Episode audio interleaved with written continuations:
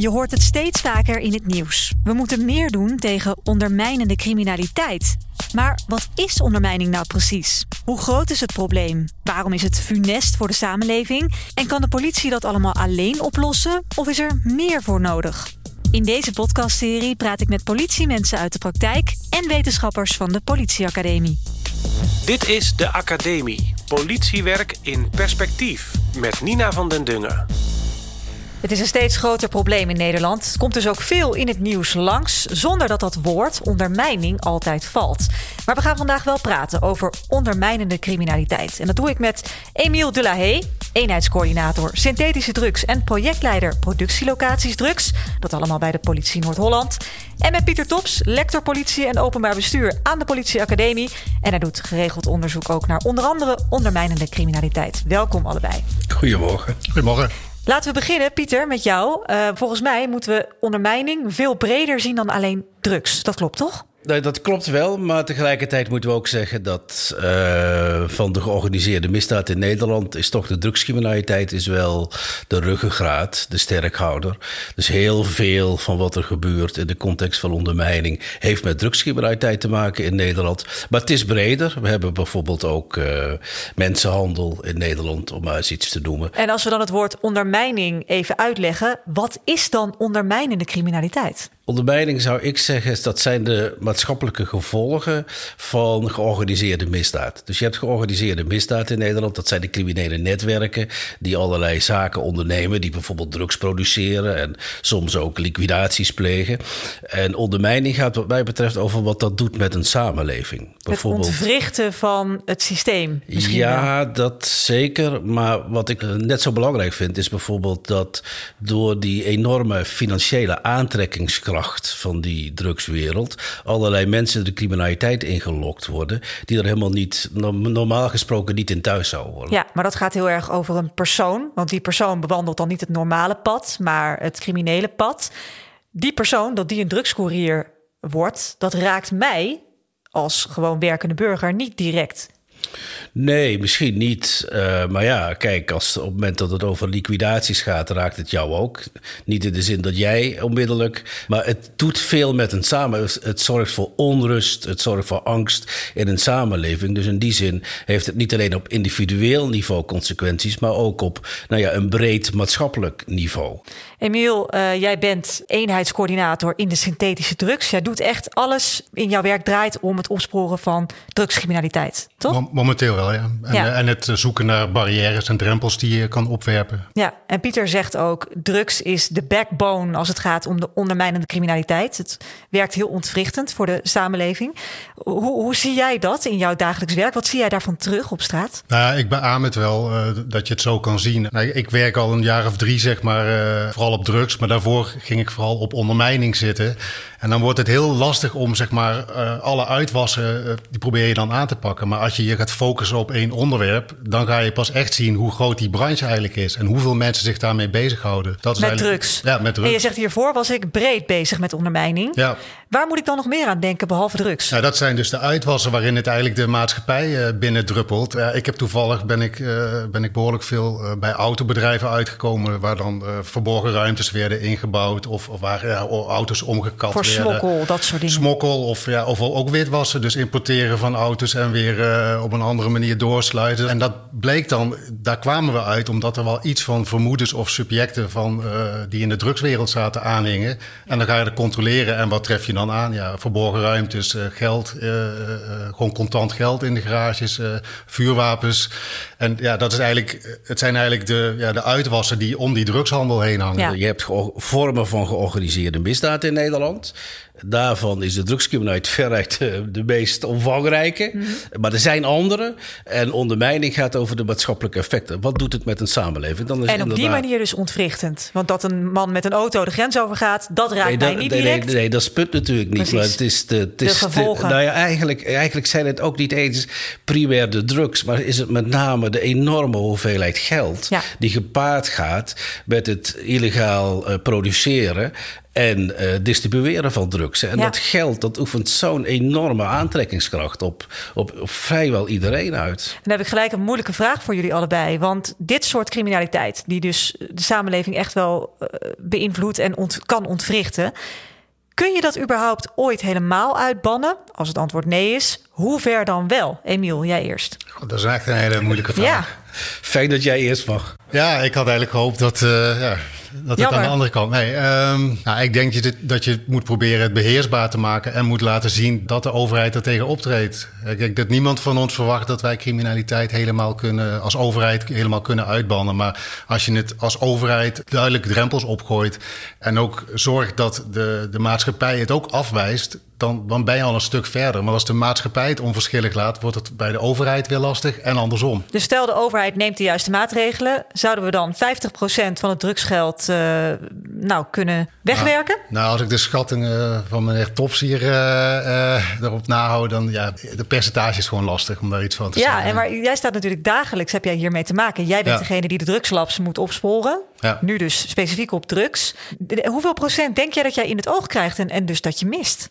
Ja, dat weet je dus niet. Hè? Maar daar zijn gewoon wetenschappelijke eh, schattingen of eh, berekeningen op gedaan. Ja, maar dat- wat heb jij nou aan, aan wetenschappelijke berekeningen en, en beleidsnotities en startnota's? Nou, ik vind eh? het wel interessant als je een berekening kan doen. Ik geloof dat, dat geschat wordt dat 10% of 20% wordt, eh, wordt in beslag wordt genomen. Dan zou je dus dat kunnen vertalen naar de, de hoeveelheid labs eh, 1 op de 5. En dat is ook wat ik vaak noem als ik, ik, eh, ik geef trainingen aan toezichthouders. Dat is vaak wat ik noem om ze te triggeren van... Hey, Eén op de vijf vind jij. Nou ja, nee, ik, ik heb een soort aanloopje gedaan net in mijn zin. En dat is dat ik dus eh, zeg dat je dus een schatting kan maken van wat je in beslag neemt. En eh, op basis daarvan kan je denken, nou dan als je dat ongeveer over het aantal labs verspreidt wat we aantreffen, kom je dan op 1 op de 5 labs uit. Dus dat is niet, eh, niet alles. Lang niet alles. Nee. Doe dat niet pijn?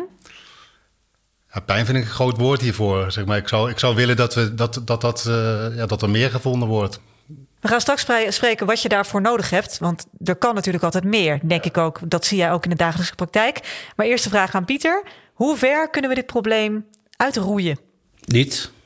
Nul. Nee, kijk, georganiseerde misdaad eh, hoort ook een beetje bij een samenleving.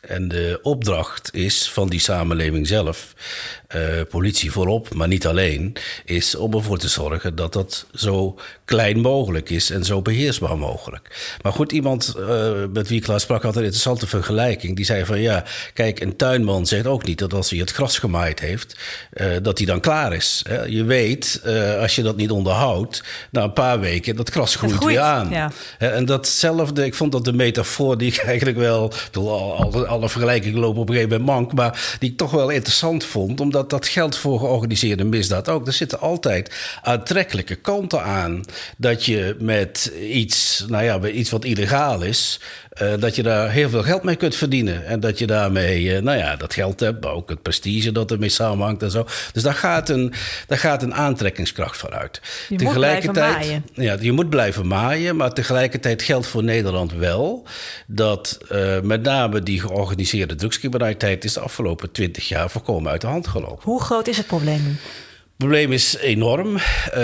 Als je vraagt van plak er eens een bedrag aan, dat kan niet.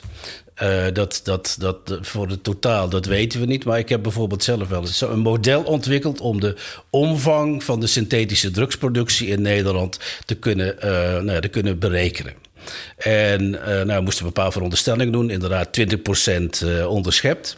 Eh, en nog een paar veronderstellingen. En dan kom je uit op een totaalbedrag van in 2017 in Nederland geproduceerde ecstasy en speed. Totaalbedrag, minimaal, wereldwijd straatprijs van 18,9 miljard euro.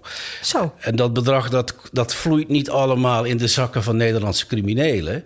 Hè, want uiteindelijk, een ecstasy-pilletje uit Nederland wordt in Sydney op de markt verkocht. In Nederland maken kost twee dubbeltjes, ongeveer 20 cent.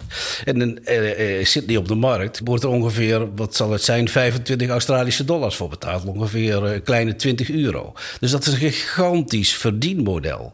En nou ja, dat heeft zich gevestigd in die Nederlandse samenleving. Eh, althans, de basis daarvan. En om dat terug te dringen, ja, dat zal ons de komende tijd eh, enorm veel inspanning vergen. Ja. Eh, Emiel, jij zoekt die drugslabs. Daarbij kan je denk ik enorm de hulp ook gebruiken van mensen die daar wonen. Die misschien weten dat winkeltje daar, dat klopt niet. Ze zeggen dat er een kapper zit. Maar ik weet dat dat echt niet zo is. Leun jij ook hè, voor jouw inventievoorziening heel erg op de maatschappij? Nou, het begint sowieso bij eh, dat je als overheid ook gewoon weet waar je naar moet kijken. Dus uh, we investeren nu eigenlijk vooral op twee sporen. Dus dat je de, de mensen die sowieso het toezicht eh, in Noord-Holland hebben, dat je die ook beter inricht. Dus niet alleen politie, maar ook een, een handhaver van de gemeente of van de omgevingsdienst. Die proberen we ook de signalen beter te laten, laten herkennen. En die wil ook dat, zeg maar, als jij als, als buurman inderdaad het gevoel hebt dat er aan de overkant iets niet klopt, dat je dat gaat melden. Gebeurt dat nu genoeg? Dat mensen de telefoon oppakken en zeggen: Ik vertrouw niet uh, dat zaakje hiernaast? Nou ja, je hebt natuurlijk Meld Misdaad Anoniem, hè, waar je anoniem uh, je melding kan doen. We, hebben, we zijn een project gestart in Noord-Holland. Daar hebben we voorafgaand aan een uh, publiekscampagne om die signalen beter te laten opmerken. Um, hebben we ook een nulmeting gedaan in een stad. Van ja, uh, wat zou nou de reden te zijn dat je, of je wel of niet meldt? En daar kwam toch wel uit dat heel veel mensen niet uh, iemand valselijk willen beschuldigen. Of het niet zeker weten. Of het misschien niet helemaal uh, goed herkennen. Dus, dus dat was eigenlijk een nulmeting. En nu gaan we eigenlijk deze maand gaan we dan kijken naar een jaar campagne voeren. Dus dat is vooral op social media, et cetera. Gewoon de signalen wat uitdragen. Of dat heeft geleid dat ze nu wel meer gaan melden. En, uh, maar daar is een wereld te winnen, hoor ik al van jou. Dat is een van de dingen waar je op moet investeren. Dan moet je eigenlijk al beginnen met kijken, uh, waar, waar, moet je dan op letten? Dus... Ja, want dat is interessant. Jij geeft trainingen in een nagebouwd drugslab. Ja. Om die signalen te leren herkennen. Ja. Hoe, hoe, hoe ziet dat eruit? Want ik, ik heb geen idee. Ik probeer me er een voorstelling van te maken. Het zijn eigenlijk gewoon in beslag genomen uh, ketels en, uh, en de jerrycans en de vaten vanuit uh, labs eigenlijk door heel Nederland. Dus die hebben we zo opgesteld dat het zoals het in, in, een daadwerkelijk lab kan staan. Ja, dus je krijgt een beetje een beeld van de grootte en dan van hoe een lab eruit ziet. de geur is zeg maar één ding wat, wat mensen van, van die training volgens mij altijd meenemen. Oh, zo ruikt het dus. Want ik kan wel zeggen chemische geur of, of de anijslucht die vaak genoemd wordt. Maar als je erin staat, nou, ik denk dat dat heel erg triggert. Je moet het ruiken ja, dat, dat, dat, is wel. Uh, maar dan ben je al in het lab. Dus dan, dan, ben, je, dan ben je er tegenaan gelopen. Ja. Wat zie je van buiten? Aan de buitenkant van de pan is vaak is niet zo heel veel te zien, zeg maar. Dat is natuurlijk bij alles wat je aan criminaliteit doet, is het zorgen dat het niet opvalt. De geur die je hebt, die, eh, die wil je ook zoveel mogelijk maskeren. Mhm. dus, dus het zijn de kleine signalen die je of aan de buitenkant of, of in het verkeer zou moeten opvallen. Ja, noem, maar eens een paar. Ja, bijvoorbeeld een ketel. Als iemand zegt dit is een melkketel of zo, zeg maar. En jij weet hoe een, eh, een drugsketel, hoe, hoe daar zich van, van onderscheidt. Dus vaak wat, wat rommeliger uh, gelast of zo, dat soort dingen. Of, of geen drukmeters erop. Dat soort, dat soort kleine signalen zou je kunnen opvallen als je. En, en ook het verhaal wat iemand vertelt van uh, ik heb deze chemicaliën daarvoor nodig. Nou, als je dan een beetje de kennis hebt of weet hoe je kan nagaan of het verhaal klopt, dat scheelt al. En je zei verkeer, dus je moet daar ook alert op zijn. Nou ja, het, het, het, moet van A naar B, hè. De, de, zowel de ketels als eh, de chemicaliën. Dus, en, en ook het drugsafval uh, wordt op een gegeven moment, uh, als het gedumpt wordt, wordt het ergens via van die busjes ergens naartoe gebracht. Maar het komt toch niet heel vaak voor dat wij als, als overheid daarop ingrijpen. Dus dat ik toch, toch denk dat, er, dat je toch te makkelijk anoniem door het verkeer kan bewegen. Ja, dus het is een probleem wat eigenlijk echt overal kan plaatsvinden. Je buurman kan een ketel hebben. Een, een, grote melkveehouder kan, kan een enorm lab ergens hebben staan. En wat je natuurlijk wil, is dat je daar zicht op krijgt van buiten. En dat mensen in de omgeving daar misschien iets op gaan acteren. Dus gaan bellen naar. Ja, en niet denken van het, ik weet het niet zeker. Uh, de, laat dat dan aan, Juist, aan de overheid ja, over. Van, Juist dan, wel melden. We, zoeken, we, we, zoeken het wel uit of, het, uh, of jouw uh, voorgevoel hierbij klopt. Ja, Pieter, zou je daar dan een veel groter deel van het probleem mee kunnen oplossen? Als mensen veel vaker die telefoon zouden pakken om het hun, hun bedenkingen, verdenkingen te melden? Nou, wat in ieder geval heel belangrijk is, is dat er uh, bereidheid is in de samenleving, bewustwording is in de samenleving van dat dit een groot probleem is. Dat is wat aan het veranderen de afgelopen uh, jaren. Ten goede? Uh, ja, in die zin dat, dat, dat, dat we meer accepteren dat dit een groot probleem is in de Nederlandse samenleving. Um, dat hebben we natuurlijk gehad met nou ja, een paar liquidaties hè, de afgelopen jaren, waarvan die op Peter de Vries, nou ja, de meest recente, maar heeft heeft een chockerend effect op een, op, een, op een samenleving gehad. Dus belangrijk is dat mensen bereid zijn om te accepteren dat dit een probleem is in Nederland. Daar kan dan uit voortvloeien, maar daar moet je mensen over informeren. Um, van, uh, dat ze bereid zijn om dingen die ze zien, om die, uh, om die te melden bij de autoriteiten. Uh, en dan is het van belang, ik spreek ook wel eens met, met burgers, dat ze, dat ze ook zeker weten dat. Kijk, wat ze, wat ze heel vervelend vinden is om mensen dingen te melden waarvan ze niet zeker weten of er iets fout is. Dus het moet ook heel erg duidelijk zijn dat het in vertrouwde handen is bij autoriteiten. Dat er niet zomaar opgetreden wordt, dat zorgvuldig uitgezocht wordt of er daadwerkelijk iets aan de hand is. Dus dat, dat, van die dingen zijn van belang. Maar ook, laten we dat niet vergeten, er is ook wel een zekere angst bij mensen om dit Ergens soort dingen in verzeld te, raken. Ja, ja omdat uh, je weet ook niet uh, of dat niet op een of andere manier toch uh, achterhaald kan worden.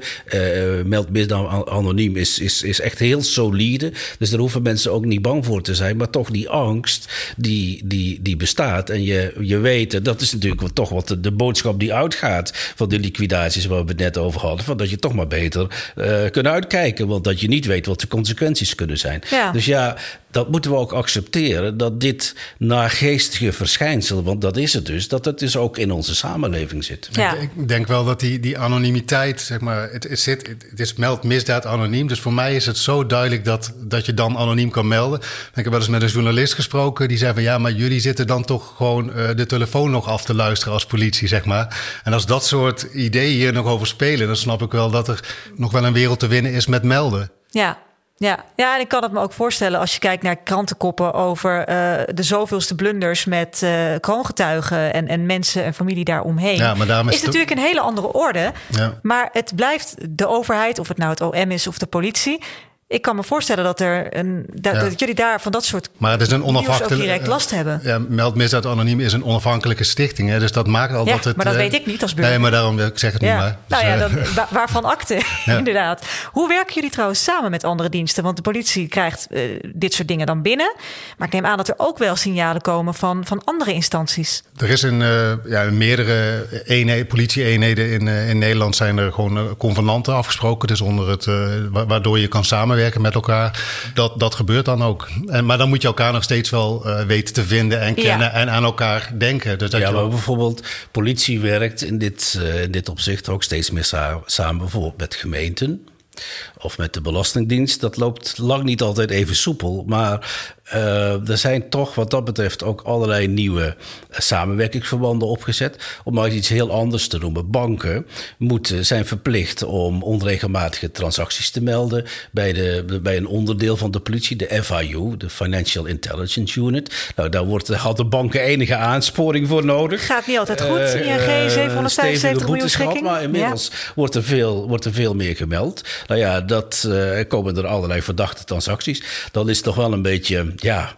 een beetje pijnlijk dat uh, als, je, als, je, als je weet wat er, uh, hoeveel van die verdachte transacties ook daadwerkelijk onderzocht worden, dan is dat nog betrekkelijk weinig. Hè? Dus Hm. daar is nog weer een hele wereld te winnen. Ja. Dat niet alleen de drugs hebben, dat vind ik heel belangrijk. Het is ook echt de motor van die, die, die, die, die financiële aantrekkingskracht. Maar tegelijkertijd zie je dat dat geld moet ook witgewassen worden. Hm. Uh, en om daar meer aandacht voor te krijgen en om daarin te kunnen interveneren, dat is ook heel erg belangrijk. Nou, daar spelen die banken dan een hele belangrijke rol in. Ja. Je ziet dat dat langzaam maar zeker, en we moeten daar niet naïef in zijn, maar dat langzaam maar zeker wel dat daar nieuwe, nieuwe, nieuwe maatregelen en nieuwe activiteiten ondernomen worden. Emiel, laten we eens kijken wat jij nodig hebt om het, uh, om het te verbeteren. Om te zorgen dat jij eigenlijk meer kan doen met de middelen en mankracht die je krijgt. Waar, waar schort het nu voor jou vooral aan in jouw dagelijkse werkpraktijk? Maar wat mij wel opvalt, is ik geef uh, dus trainingen in drugs, nagebouwd drugslabs aan ook aan de NVWA, de omgevingsdiensten die de, ja, voor de gemeente werken. Dat zijn eigenlijk oren en ogen die bij bedrijven komen waar, uh, waar politie al heel weinig komt, zeg maar. Dus, dus ik, krijg, ik merk eigenlijk dat als ik zo'n training geef, dat ik bijna de dag erna gebeld word door, door mensen. Ik heb dit net gezien of ik had eigenlijk dit al, al, had ik je toen al willen vertellen. Ik, ik wilde toch wat. Dus dan merk je eigenlijk dat die, dat die, die stroom van informatie niet zo goed loopt. En wat vooral mij opvalt, is dat bepaalde uh, signalen wel door worden gegeven. Dan wordt het bijvoorbeeld intern aan een leidinggevende doorgegeven. Ja. Maar dan bereikt het uiteindelijk de politie niet. Of het, uh, of het stopt ergens binnen de politie. Dus, dus die, de informatie. Die keten van communicatie. Ja, die informatiehuishouding. Want het is binnen de politie heb je nu één, uh, al heel lang een, goed systeem. Een opsporing en een handhavingssysteem ja. hebben we, zeg maar. Waarin als wij zoeken, kunnen wij alle signalen daar uitvissen met allerlei zoekvragen. Maar het moet daar wel in terechtkomen. En dat, dat is niet zo op het moment dat iemand vanuit de omgevingsdienst uh, iets is opgevallen en het tegen zijn leidinggevende vertelt. Dat, dan ben je weer afhankelijk van, nou, zegt die het weer tegen een wijkagent en zet die het op een goede manier in het systeem, zodat het uiteindelijk op, op de totale hoop terechtkomt. En da, daar, daar is gewoon heel veel uh, te winnen.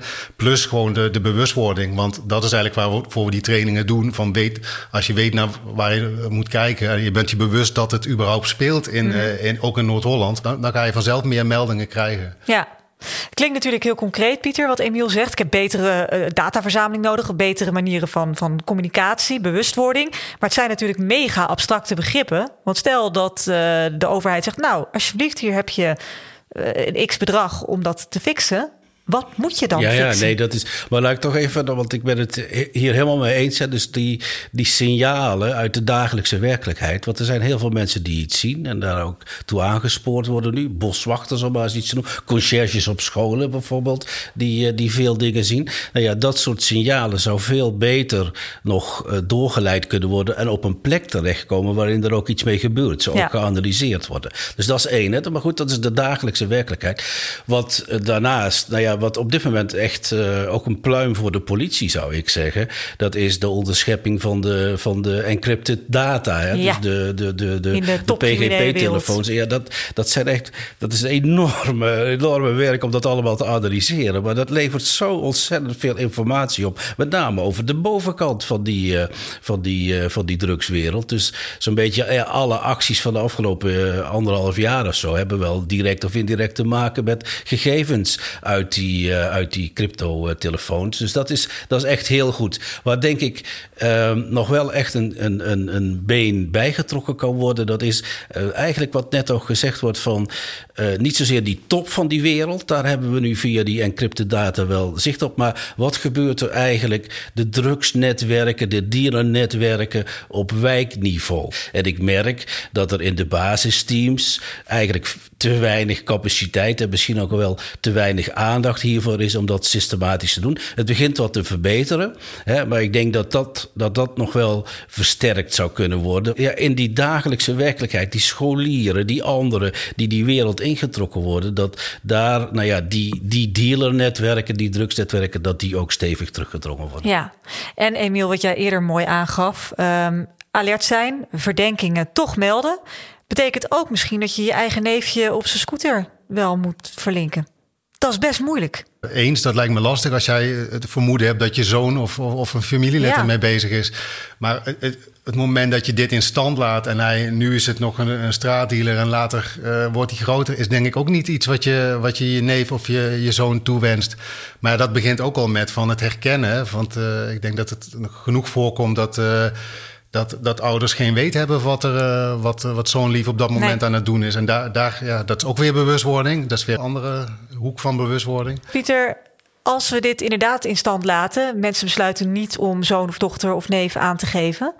Waar kan dit dan uiteindelijk toe leiden als we dus niet meer gaan maaien, maar we laten het groeien? Uh, nou ja, de afgelopen tijd, naar aanleiding ook van de liquidaties, mijn, mijn collega Cyril Feyenoud spreekt inmiddels over maffianisering van de georganiseerde misdaad in Nederland. Hè. Dus dat is dus nou ja, ook een samenleving onder druk zetten, nou ja, die daar angst doen ontstaan. Hij noemt er nog geen maffia, maar het gaat die richting het gaat die op. kant op. Dus wij moeten, uh, dus er zit toch een, een hele stevige en dure plicht van overheid, politie en anderen om te kijken hoe we dat echt stevig kunnen terugdringen. Emiel, wat kan jij gebruiken als het bijvoorbeeld aankomt op wetenschappelijk onderzoek? Wat zou, wat zou de wetenschap nog toe kunnen voegen voor jouw dagelijkse werkpraktijk? Nou, ik maak nu al dankbaar gebruik van een aantal inzichten, onder andere van de heer Tops, hè, de, de totale omvang van de drugsindustrie in Nederland.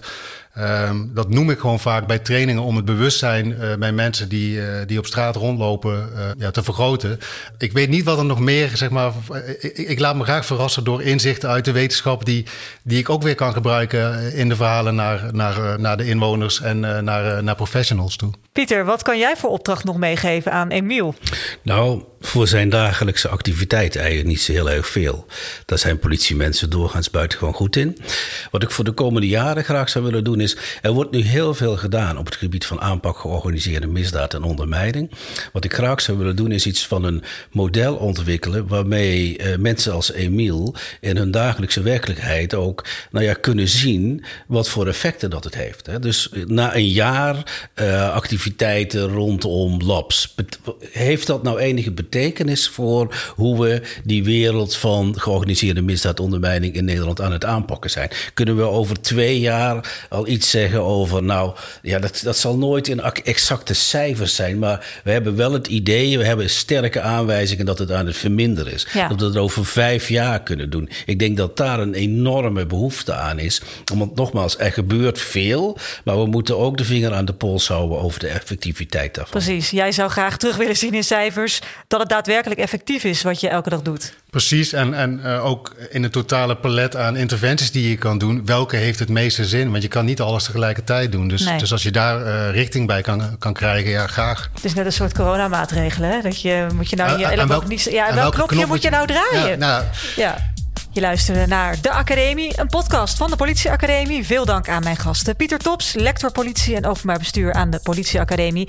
En Emiel Delahaye, coördinator synthetische drugs en projectleider productielocaties drugs bij de Politie Noord-Holland. Wil je nou meer weten over ondermijning, hoe dat wordt aangepakt, wat er allemaal bij komt kijken? Check dan vooral even onze show notes bij deze podcast. En dan kun je ook meteen even klikken op volgen, want dan krijg je een melding als we een nieuwe aflevering maken van De Academie. Mijn naam is Nina van den Dungen. Heel graag tot de volgende keer.